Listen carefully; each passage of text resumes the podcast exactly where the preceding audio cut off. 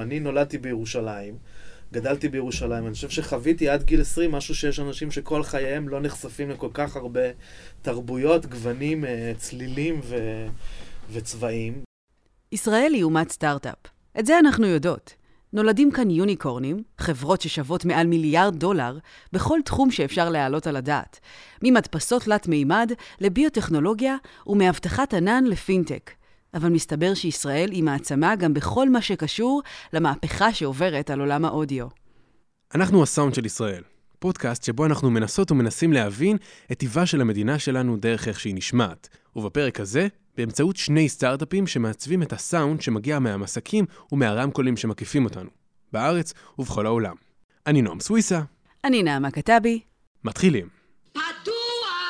אנו מכריזים בזאת כל ישראל מירושלים, שלום רב,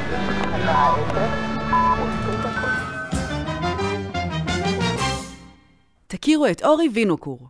אה, אז אני אורי וינוקור, אורי היה מפיק מוסיקלי שעבד עם אמני אינדי ישראלים מהשורה הראשונה. כמו אסף אבידן, לולה מרש, תומר ישעיהו. לפני כארבע שנים, אורי הצטרף לחברה צעירה בשם ארטליסט, מין לייבל מסוג חדש שפוגש חברת השמה למוסיקה. תכף נסביר מה זה אומר בדיוק. כיום, אורי אחראי בה לכל מה שקשור למוסיקה.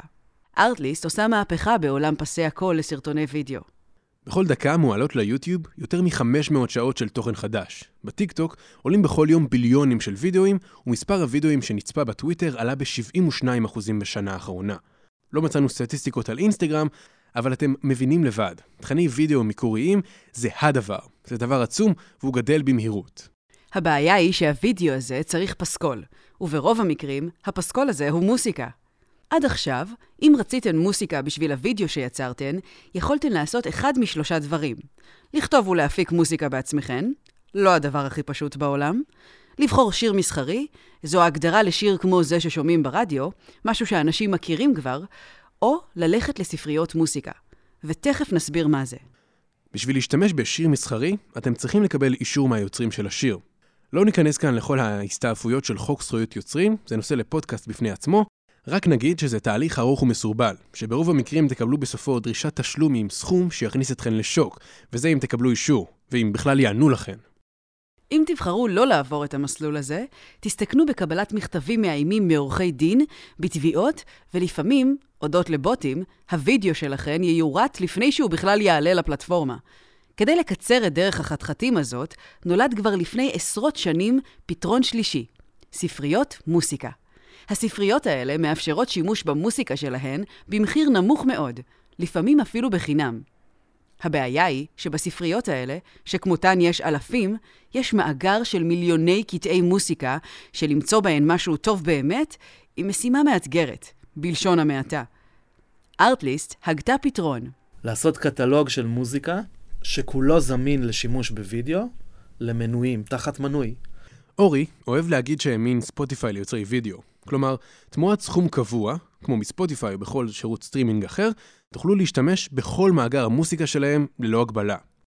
שני ההבדלים המהותיים בינם לבין ספריות המוזיקה הוותיקות, הוא שא', חוויית המשתמש שלהם נוחה לאין שיעור מזו של החברות המיושנות, וב', המאגר של ארטליסט מצומצם, אפילו מצומצם מאוד.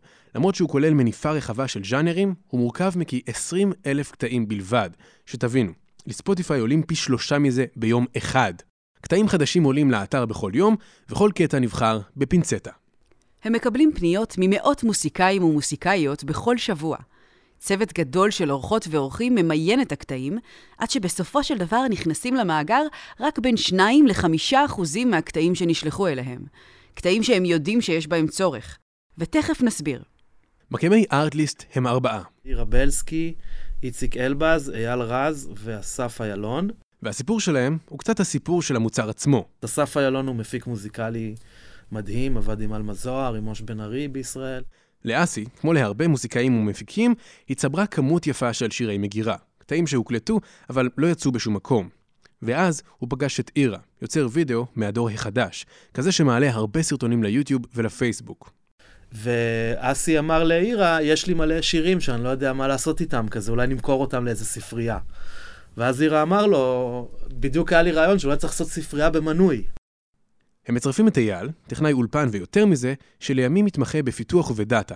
ואיציק הצטרף בתור ה-CTO הראשון. CTO זה מנהל טכנולוגיות ראשי, Chief Technology Officer. הם ישבו בקיבוץ אפיקים, התחילו לבנות את החברה, ובפברואר 2015 עלו לרשת. ההצלחה הייתה מיידית. אי אפשר אפילו לקרוא לזה סטארט-אפ, כי זה פשוט הצליח. מהשבוע השני הארטליסט הייתה רווחית. בעצם זה מה שנקרא מוצר שהשוק חיכה לו. נכון לזמן שבו אנחנו מקליטים את הפרק הזה, עובדות ועובדים בארטליסט, אחת מעשר חברות הסטארט-אפ הישראליות הנחשקות לפי דירוג לינקדין, 250 איש ואישה, רובם מישראל. למרות שהשוק העיקרי שארטליסט כיוונה אליו הוא מה שנקרא יוצרי דור היוטיוב, כיום ניתן למצוא במאגר הלקוחות שלהם גם לקוחות גדולים בהרבה כמו try to bring Windows and Microsoft closer together. Billboard, open for fun. Amdocs. Make it amazing. בין אם זה United Airlines או BMW או אפילו הבית הלבן יש מנוי בארטליסט. אבל הם לא מסתפקים בזה. כמו כל חברת מדיה וטכנולוגיה, הם אוספים מידע מהמשתמשים שלהם. מה המאפיינים שלהם, מה הם מחפשים, כמה זמן הם מקדישים לשמיעת כל קטע, מה הם מוצאים ומה לא, ועוד. כשבמקביל, הם פוקחים עיניים על מה שקורה מחוץ לפלטפורמה שלהם. אנחנו עוקבים אחרי מה קורה ביוטיוב, איזה, איזה מוזיקה משתמשים בכל מיני סוגי סרטונים, אנחנו עוקבים אחרי עולם המוזיקה, מה מצליח עכשיו בפופ, מה מצליח ב, בכל ז'אנר, ואנחנו מחברים את הנקודות. זה העבודה ב original, זה בעצם לפצח את, ה... לפצח את הטרנד. הם משתמשים במידע הזה כדי ליצור מוסיקה חדשה, מקורית, מה שאורי קורא לו original, וכזו שהם הבינו שיש בה צורך. זה קצת כמו מה שנטפליקס עושה. נטפליקס התחילו כפלטפורמת סטרימינג של וידאו, ובאיזשהו רגע אמרו, רגע, יש לנו פה המון המון מידע, אנחנו מנהלים פלטפורמה שאנשים צופים בה, בואו נלמד את המשתמשים ונייצר להם תוכן שמתאים להם. תהליך הייצור מתחיל כשמזהים צורך. נגיד, הרבה אנשים מהודו מחפשים מוזיקת מערבונים אינסטרומנטלית באורך של שלוש דקות. מחלקת המקור של ארטליסט פונה על האומניות שהם חושבים שמתאימות לזה, שולחת עליהן את הבריף ומלווה אותן בכל תהליך ההפקה עד לעליית הקטע לאתר. במחלקה הזאת היום חתומים אמנים עצמאיים נהדרים ובעלי שם, כמו גבע אלון, סיון תלמור, יחזקאל רז. אה, אני יחזקאל רז, ואני מוזיקאי. אני מלחין, אני פסנתרן, אני חש את עצמי איש של צליל. ב-2017, יחזקאל הוציא אלבום יפהפה בשם 4 Neils. כשהוא התחיל לעבוד על האלבום השני שלו, הוא ראה שגם ההארד דיסק שלו התמלא ברעיונות ובטרקים שלא הגיעו לכדי ריליסט רשמי. ואז הגיע הארטליסט, כן.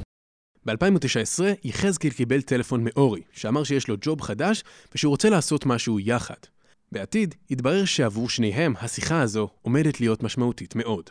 הסיפור שלי ושל יחזקאל בארטליסט זה קצת מה שבעצם דחף אותי להקים את הלייבל עבור הארטליסט אוריג'ינל. אה, מה שעשיתי עם יחזקאל זה, אני מכיר את יחזקאל כמוזיקאי מדהים ונגן פסנתר אה, אלוהי, ורציתי לעשות איתו אלבום של סולו פסנתר, של מיניאטורות כאלה לקטלוג. אורי מתקשר ליחזקאל ומספר לו מה הוא רוצה לעשות. אמרתי לו, יאללה, בוא נעשה. וככה זה התחיל.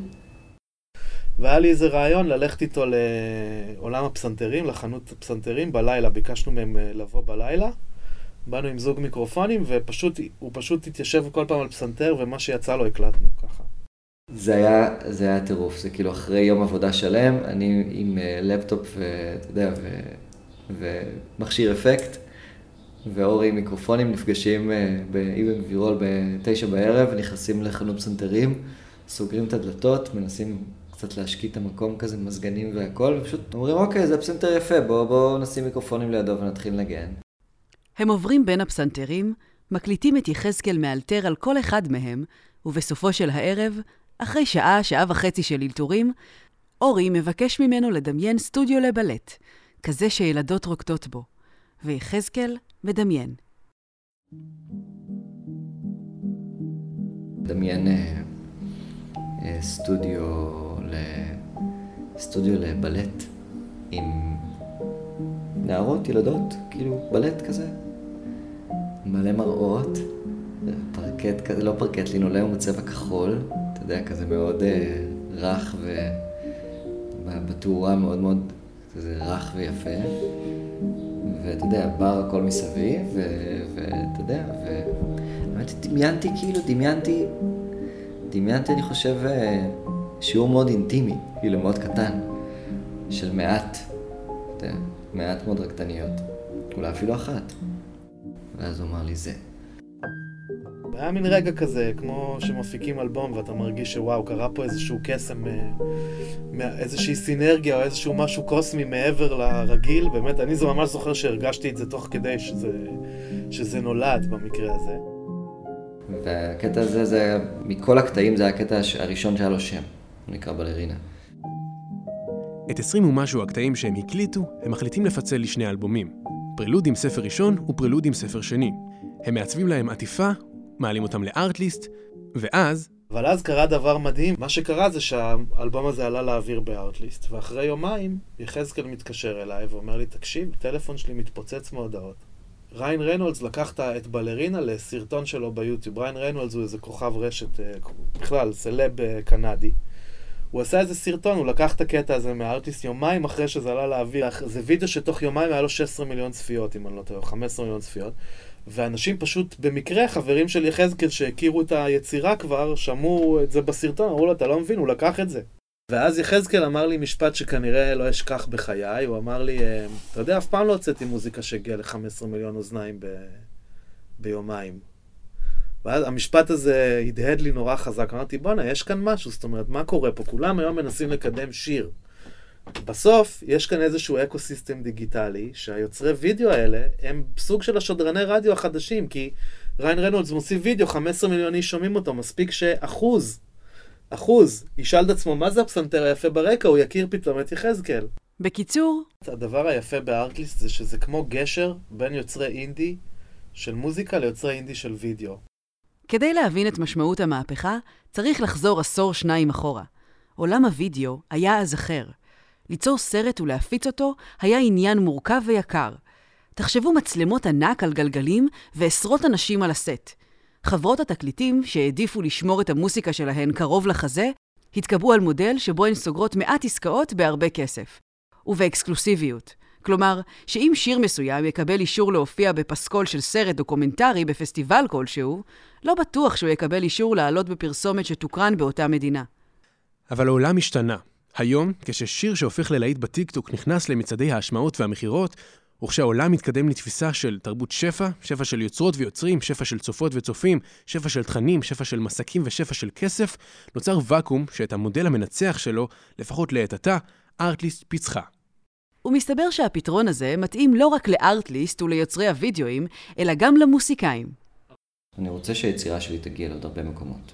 ואם פתאום, אה, כמו שקרה לה לפני שבועיים, שאיזה אלווין אחד אה, אה, עושה וידאו של 24 דקות על מתכון עוגת שוקולד ביוטיוב, וכבר הגיע לכמה מיליוני צפיות, והוא שם את המוזיקה שלי, וגם כותב בקרדיטים, המוזיקה שייכת לי, ופתאום היוטיוב שלי עם היצירה הזאת מתמלא בקומנטים, ופתאום הספוטיפיי שלי והאינסטגרם שלי, פתאום אתה רואה אנשים מגיעים אליך, בשבוע אחד פתאום יש לך איזה פיק של אנשים שהגיעו אליך. זה מדהים בעיניי. מוזיקה נועדה שימכרו אותה.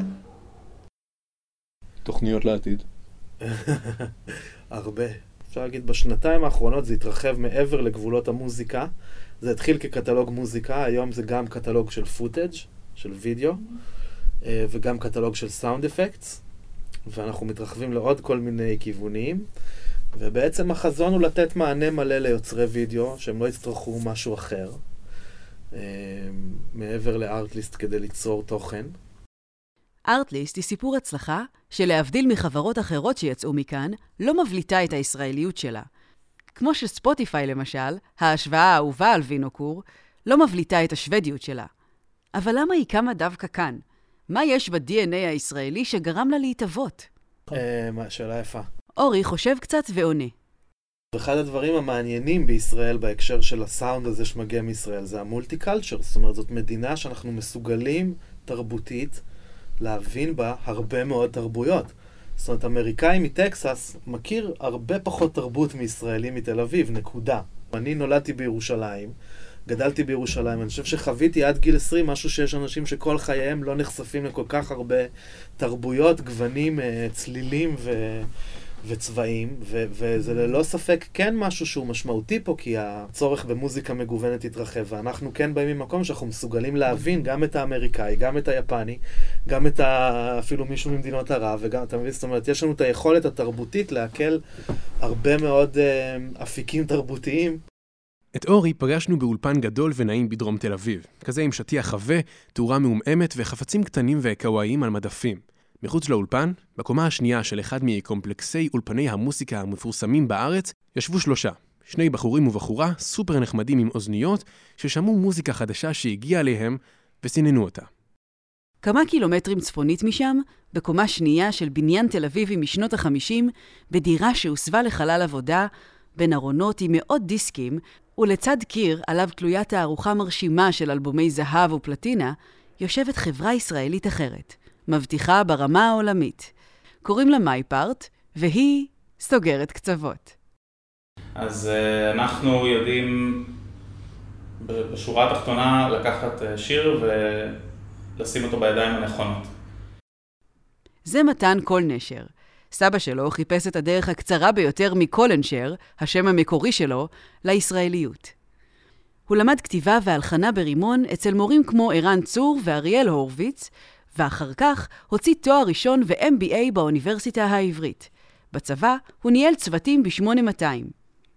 ב-2002, באוניברסיטה, הוא מקבל שיעורי בית לכתוב תוכנה שמזהה את צלילי החיוג, דייל טונס. זוכרים אותם? כן, אלה. ואז מגיע רגע היוריקה. כאילו קלטתי שרגע שנייה, אם אני יכול לעשות את זה, אז אני יכול גם בהנחה שהכלי מכוון ללכת ולזהות אה, מלודיות ולזהות אה, הרמוניות. למה לא עושים את זה בעצם? מוסיקה מורכבת מתדרים שאפשר למדוד מתמטית. עם האלגוריתם הנכון אפשר להבין את המתמטיקה של התו, התדר שלו, של האקורד, מכלול התדרים יחד, ושל המלודיות וההרמוניות, היחס בין המספרים האלה. בקיצור, מתן מנתח סאונד ומוציא ממנו אינפורמציה. קצת כמו מה שאנחנו עושות בפודקאסט הזה. הוא יוצא לתהליך של שנתיים שבו הוא עובד על הפיצוח של העניין. וב-2016, אחרי שהוא מציג את הפרויקט במסגרת קורס יזמות בלימודי התואר השני שלו, ניגש אליו סטודנט בשם אריאל בדילוב. אריאל, בחור עם הכשרה פיננסית שעבד אז באינטל, אמר שהפרזנטציה פוצצה לו את המוח, ושלפני שהוא נכנס לשיתוף פעולה עם מתן, הוא רוצה לקרוא על איך עובדת תעשיית המוזיקה. צריך להבין שבאותה תקופה התעשייה הייתה בשפל היסטורי. נאפסטר וטרנד שיתופי הקבצים פגעו קשות ברווחי חברות התקליטים, אבל תחום שבקושי נפגע הוא ה publishing. זה הכסף שנכנס ליוצרים מתמלוגים עבור השמעות ברדיו, הופעות, שילוב של המוסיקה שלהם בפרסומות וסרטים, דברים כאלה. אריאל מחליט ללכת על זה, ובמקביל לדיי ג'וב שלהם, הם מתחילים לעבוד, בלילות, ומצליחים אפילו להביא מימון, בין השאר מרשות החדשנות, לשעבר המדען הראשי. אבל הכסף לא מספיק, ואז הם מגיעים לרוני ואנס, היום נשיא החברה. רוני הוא שחקן במשקל כבד. רוני אה, הוא היה נשיא Geffen Music, אה, שזה אומר חברת ה publishing של דיוויד גפן, ואחרי זה נשיא Interscope Music, הוא עבד בוורנר, הוא עבד, ב, הוא עבד ברוב החברות הגדולות, המוזיקה הגדולות בתעשייה. באיזשהו שלב הוא החליט שדי, הספיק לו LA, והוא... אה, עשה מעבר לישראל, הוא עשה עלייה. זה הזמן לציין שרוני הוא יהודי, שנולד תחת השם רונלד רוזנברג, וש placement זה לדאוג שהשיר הנכון יגיע לפרסומת הנכונה או לסרט הקולנוע הנכון תמורת הרבה כסף. רוני מגיע לארץ לכנס מוסיקה בינלאומי, ובסוף אחד המושבים, במתחם התחנה, כמו שעושים הרבה סטארט-אפיסטים, מתן ואריאל אורבים לו. וואי, באיזה ביתן שם זה... והוא עומד שם, עם הזקן הארוך שלו, הוא כבר uh, עמוק בתוך העניינים של להיות יהודי. צהריים כזה, ואשתו עומדת לידו, uh, ואנחנו כזה באים אליו עם הדבר הזה ועם הפיץ' על AI ואיך זה יכול לשנות תעשיית המוזיקה, והוא מסתכל עלינו כזה ואומר, לא.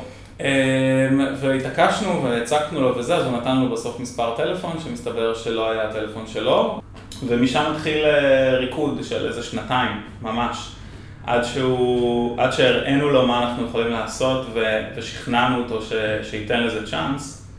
אחד השימושים שמייפארט עושה בידע שהיא מצליחה להפיק מהמוסיקה, הוא לעזור לבימאים ומפיקים למצוא שירים שישבו בול על ההפקה שלהם. מזכיר את מה שארטליסט עושה, אבל הם ניגשים לבעיה ממקום אחר. מייפארט מאפשרת לכן ולכם, יוצרות ויוצרי הוידאו, להעלות לפלטפורמה שלה שיר, ולתת לאלגוריתמים שלה לנתח את השיר מבחינה הרמונית, מלודית, הפקתית ומילולית. האם זה נשמע נכון, מולחן נכון, עוסק בנושא נכון, או ממש כתוב, writing style בצורה דומה. אחר כך היא עוברת על כל מאגר השירים שלה ומוציאה פלט של ממצאים, מסודרים לפי רמת הרלוונטיות שלהם. שירות אחר של מייפארט הוא נתינת האפשרות למוסיקאים עצמאיים להעלות אליה קטעים שהם כתבו והלחינו, בשאיפה למצוא להם שידוך עם זמר או זמרת מתאימים. צריך להבין ש-90% מהמוסיקה המצליחה היום בעולם נכתבת על ידי כותבים מקצועיים, ולא על ידי הזמר או הזמרת שפרסמו אותה.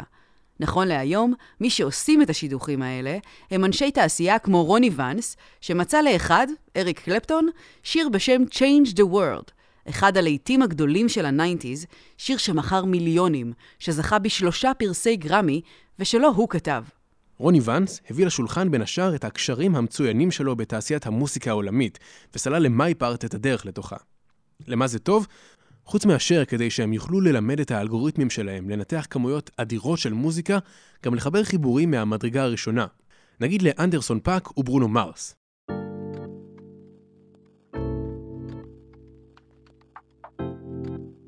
עכשיו היה לנו איזה סיפור הצלחה קטן עם איזה בחור מסן דייגו שהעלה שיר לפני שנתיים וחצי למייפארט ולא מצאנו לו match אבל עכשיו יצא Leave the Door Open של ברונו מרס ואנדרסון פאק וחבר'ה מוורנר שמו את זה כ benchmark אה, לחפש שיר כמו זה.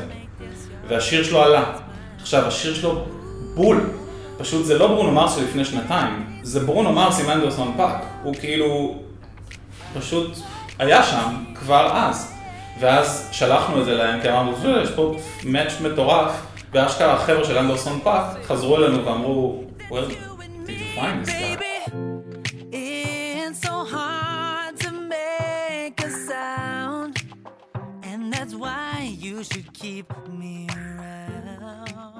גם את מתן שאלנו מה לדעתו הופך את החברה שלו לישראלית. למה חברה כזו קמה דווקא פה? זוכרים את מה שאורי אמר לנו קודם על קיבוץ הגלויות? אז מתן מסכים איתו. פעם היו מדברים על ישראל הראשונה, השנייה, השלישית וזה, עכשיו זה גם קצת עלה, אבל אני חושב על עצמי כמישהו שגדל ברמת השרון בהרצליה, וכאילו היה לי... חברים שלי הם לא אה, מאיזה חתך אוכלוסייה נורא ספציפי, והיו מלא השפעות, וכאילו מוזיקה מזרחית היא מוזיקה מערבית.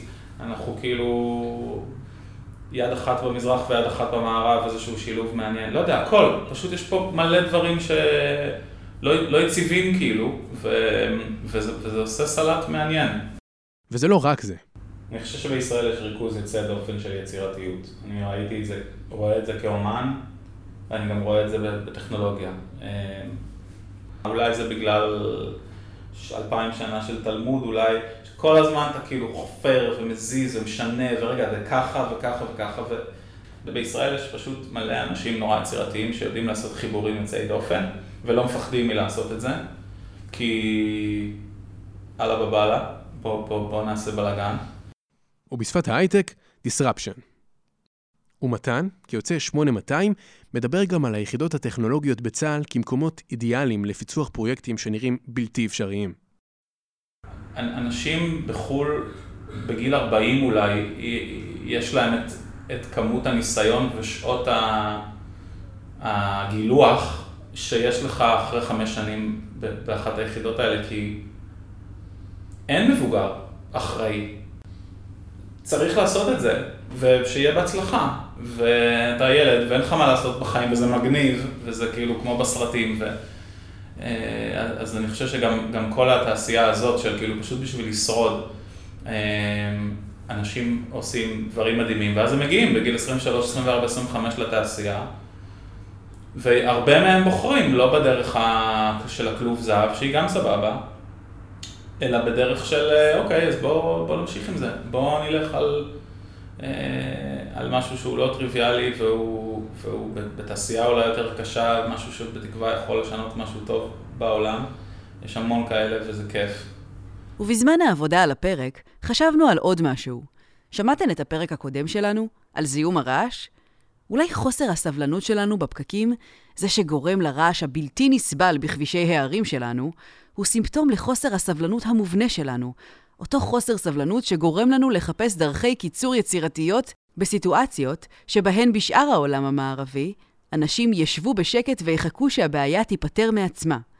אולי חוסר השקט הזה, שיוצר רעש, מביא גם לחדשנות. עד כאן הפרק הזה, שהוא גם הפרק האחרון לעת עתה של הסאונד של ישראל. הפקה של אמיר אשר, על פי רעיון של שחר אבירי. אם עוד לא שמעתם את הפרקים הקודמים שלנו על ההיסטוריה של אותות מהדורות החדשות שלנו, ומה הם אומרים עלינו, על צפירות יום הזיכרון ויום השואה, בפרק על הסאונד של הטראומה הישראלית, ועל זיהום הרעש, נשמח שתשמעו אותם. הם נמצאים כאן, איפה שאתן ואתם שומעות ושומעים את הפרק הזה, ובכל פלטפורמות הפודקאסטים האחרות. ואם נהניתם, נשמח שתשלחו את הפרק הזה למישהי שאתם אוהבים. אני נועם סוויסה. ואני נעמה כתבי. ניקו גולדשטיין אחראית לסאונד בפרק הזה, ולאות הפתיחה יחד עם תומר גולדנברג.